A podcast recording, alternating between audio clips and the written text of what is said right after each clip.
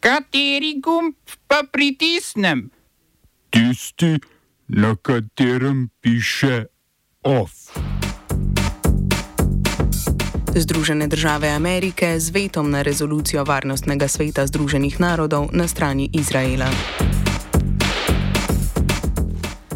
Izrael obljubil sprostitev blokade humanitarne pomoči iz Egipta. Vlada sprejela predlog novele zakona o delovnih razmerjih. Župan Moravč Milan Balažic po ugotovitvah KPK v nasprotju interesov.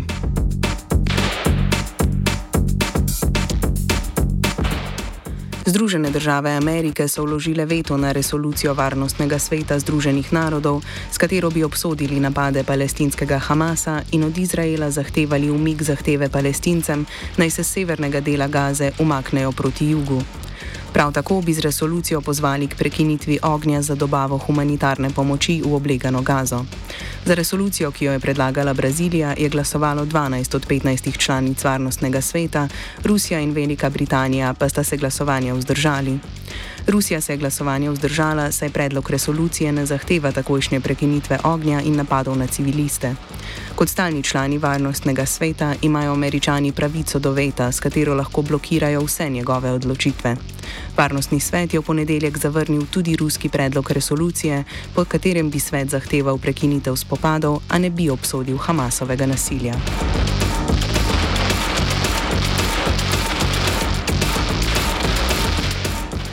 Kabineta izraelskega premijeja Benjamina Netanjahuja so sporočili, da bodo dovolili dostavo humanitarne pomoči na območje Gaze. Izrael je takoj po začetku obleganja Gaze, ki traja že skoraj dva tedna, uvedel popolno blokado in tako preprečil dobavo hrane, vode, elektrike in goriva na območje Gaze. Prav tako izraelske oblasti po dogovoru z Egiptom nadzorujejo, kaj gre v Gazo iz Egipta prek mejnega prehoda Rafa. Na mejnem prehodu je nastal zastoj tovornih vozil s humanitarno pomočjo, ki zaradi izraelske prepovedi niso smela prečkati meje, če pa so to poskušala, jih je izraelska vojska iz zraka napadla. Po trditvah egiptovskih oblasti je cestna povezava na palestinski strani zaradi izraelskega bombe bombardiranja poškodovana. Zato je vprašanje, ali bodo pomoč lahko tudi dejansko dostavili. Kot pravi blokade, je sicer pozval sam predsednik Združenih držav Amerike Joe Biden, ki je zdaj zatrdil, da bodo cesto morali popraviti in bo pomoč na območje Gaze lahko prišla jutri. Obljuba o prekinitvi blokade pri dostavi humanitarne pomoči prihaja potem, ko je izraelska vojska v raketnem napadu na bolnišnico Al-Ahli Arab v Gazi ubila okoli 500 ljudi. Vlogo ZDA pri zagotavljanju humanitarne pomoči komentira Majeda Busalama, politični raziskovalec na Univerzi Tampere na Finskem, čigar družina se trenutno nahaja v Gazi. This is a clear uh, image of double standard for us. They could actually act quickly for Ukraine, but they couldn't act quickly for Palestinians. You know, they feel they can. They still ally to them in the way in, in the Middle East, and they know that they're stranger to the Middle East, and they still can serve their economical interest in the Middle East and intelligence uh, interest. So they would like to keep them there as an ally. And that's clear in the American help with the with the to the to Israel, which gives Israel about 3.8 billion a year plus the 8 billion which has been giving to them you know, and all the ammunition that and weapons that has been given to them during this time of attack at Gaza, which all finished, by the way, and plus all the army, like the Americans, uh, the, Ameri- the American planes that has been going from Jordan to uh, base, the U.S. base to Palestine to, to to help Israel in these bombardments. Izraelska vojska je ob neprenehnem bombardiranju Gaze aktivna tudi na Zahodnem bregu. Iz vojske so sporočili, da so tam aretirali 80 ljudi, od tega pa jih 63 obtožili članstva v Hamasu. Kot je sporočila palestinska tiskovna agencija WAFA, so izraelske sile včeraj na Zahodnem bregu ubile tri palestince, med njimi tudi dva najstnika. Izraelska vojska je sporočila tudi, da je po noči izvedla napade na položaje libanonskega gibanja Hezbolah. V obstreljevanju so uničili izstrelišča protitankovskih raket, jaške, obveščevalno infrastrukturo in operativne štabe gibanja. Napad je vojska izvedla pod pretvezo, da so člani Hezbolaha na območje blizu meje z Libanonom, ki ga nadzoruje Izrael, izstrelili protitankovsko raketo. V obstreljevanju južnega Libanona je izraelska vojska v slabih dveh tednih ubila 13 članov Hezbolaha. Smo se osamosvojili, nismo se pa osvobodili.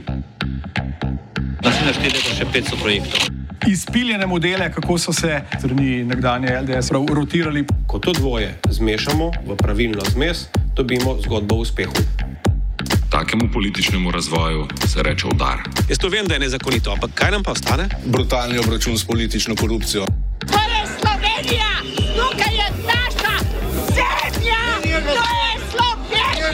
Slovenija, Slovenija,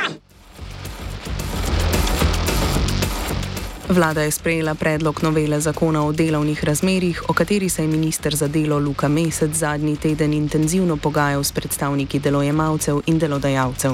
Delodajalske organizacije so sporočile, da ne pristajajo na neusklajene predloge novele, čež da za delodajalsko stran prinašajo številne nove finančne in administrativne obremenitve. Predstavniki delodajalcev, ki so julija skušali na novelo zakona o delovnih razmerjih vplivati z izstopom iz ekonomsko-socialnega sveta, so se zauzemali zgolj za uskladitev zakona z dvema evropskima direktivama. S tem pa bi iz novele izpadle rešitve, ki so jih predlagali sindikalisti. Po seji vlade je o noveli spregovoril minister Luka Mesec. Gremo v uh, reformo v dveh krogih. Se pravi, najprej v ožjem delu bomo uh, reformirali ZDR zdaj po nujnem postopku do 15.11., ker to moramo storiti zaradi prenosa direktiv potem pa ostane kup ukrepov za drugi krog, kjer boste imeli oba socialna partnerja, tako delodajalci kot sindikati, možnost predlagati tudi svoje ukrepe, tam bomo pa nadaljevali s pogovori in okolikor bomo podpisali memorandum o pridružitvi delodajalcev nazaj v ekonomsko-socialni svet, bomo tudi postavili jasen časovni okvir, recimo, da bodo ti pogovori zaključeni v treh ali štirih mesecih. Zdaj, ta teden uh, smo se, kot vidite, dogovarjali o bojem. Se pravi, o tem, da bi delodajalci prišli nazaj v ekonomsko-socialni svet, in drugič o tem, kakšna oblika zakona o delovnih razmerjih bi bila sprejemljiva. Pri prvem uh, delu, se pravi, delodajalci in ekonomsko-socialni svet, smo prišli zelo blizu, praktično je protokol usklajen. Uh, nismo pa prišli skupaj na točki zakona o delovnih razmerjih, čeprav smo prišli zelo blizu. Mislim, da lahko rečem, da smo um, tam nekje 90 odstotkov vprašanj uh, razrešili, oziroma tiste, ki jih nismo razrešili, smo dogovorno predstavili v drugi krog.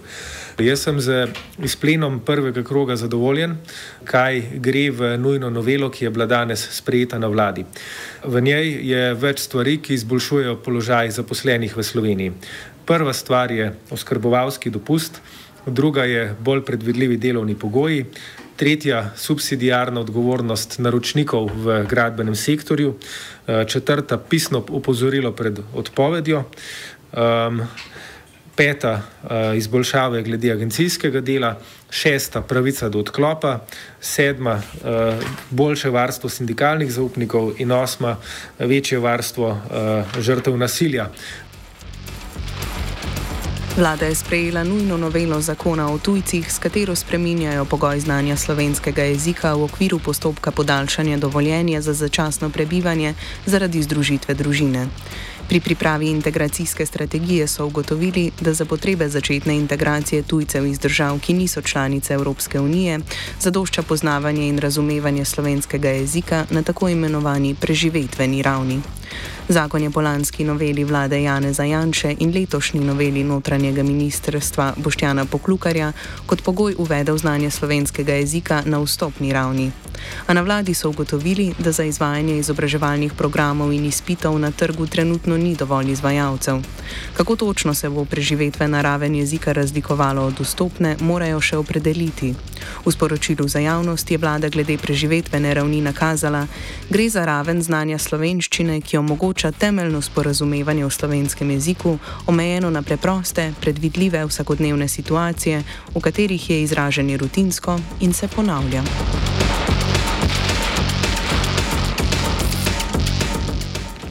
Komisija Državnega zbora za nadzor obveščevalnih in varnostnih služb, krajše KNOVS, se je seznanila z višanjem ocene varnostne ogroženosti zaradi terorizma na srednjo raven. Vlada medresorska delovna skupina za terorizem je stopnjo ogroženosti zvišala na tretjo stopnjo na petstopenski lestvici, čež da je to potrebno zaradi trenutnih zaostrenih varnostnih razmer v Evropi in na Bližnjem vzhodu. Na dnevnem redu seje parlamentarne komisije, ki je potekala za zaprtimi vrati, je bila ocena varnostne ogroženosti od morebitnih protijudovskih protestih. Danes bo na Ljubljanskem trgu Republike ob 17. uri potekal shod za podporo Palestini. Da ne gre za protijudovski protest, pojasni Barbara iz Gibanja za pravice palestincev, ki organizira shod. Današnji shod za Palestino ni namenjen izkazovanju podpore Hamasu in antisemitizmu. Kot smo že zapisali na vabilu za shod, je vsaka človeška žrtev preveč, ne glede na to, ali je palestinska ali izraelska. Smo proti stopnevanju nasilja in novim žrtam, svoje nasprotovanje nasilju pa želimo javno izraziti danes na shodu. Vlada je sprejela odločitev o uvedbi začasnega poostrenega nadzora na mejah s Hrvaško in Mačarsko, nadzor pa se bo začel izvajati v soboto. Italijanska vladna, vlada je ministra za notranje zadeve Boštjana Poklukarja obvestila, da bo v soboto uvedla nadzor na meji s Slovenijo, ki bo trajal deset dni z možnostjo podaljšanja. Komisija za preprečevanje korupcije, krajše KPK, je sporočila, da se je župan občine Moravče Milan Balažic znašel v nasprotju interesov. Podpisal je odredbo o predčasnem nakazilu občinskih sredstev v društvu, katerega zakonita zastopnica je njegova partnerka Nina Krajnik. Komisija je v postopku, ki ga je uvedla avgusta lani, ugotovila, da je Balažic na podlagi prejete vloge Slovenskega društva za lakanovsko psihoanalizo za namen pokroviteljstva in donatorstva v Moravški občini za leto 2021 podpisal odredbo o predčasnem nakazilu sredstev. S tem je društvo omogočil premožensko korist.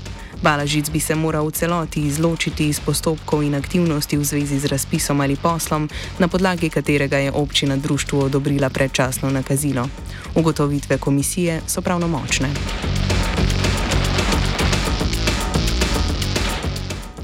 Poslanci državnega zbora so z 61 glasovi proti 25 sprejeli sklep o začetku postopka za spremembo ustave. Po spremembah bo pristojnost imenovanja sodnikov na mesto parlamentu pripadla predsednici republike na predlog sodnega sveta. Prav tako bi po predlogu za sprejem, katerega je potrebna dvotretinska parlamentarna večina, spremenili sestavo sodnega sveta. Obsegal bi 15 članov in ne 11, kot velja zdaj.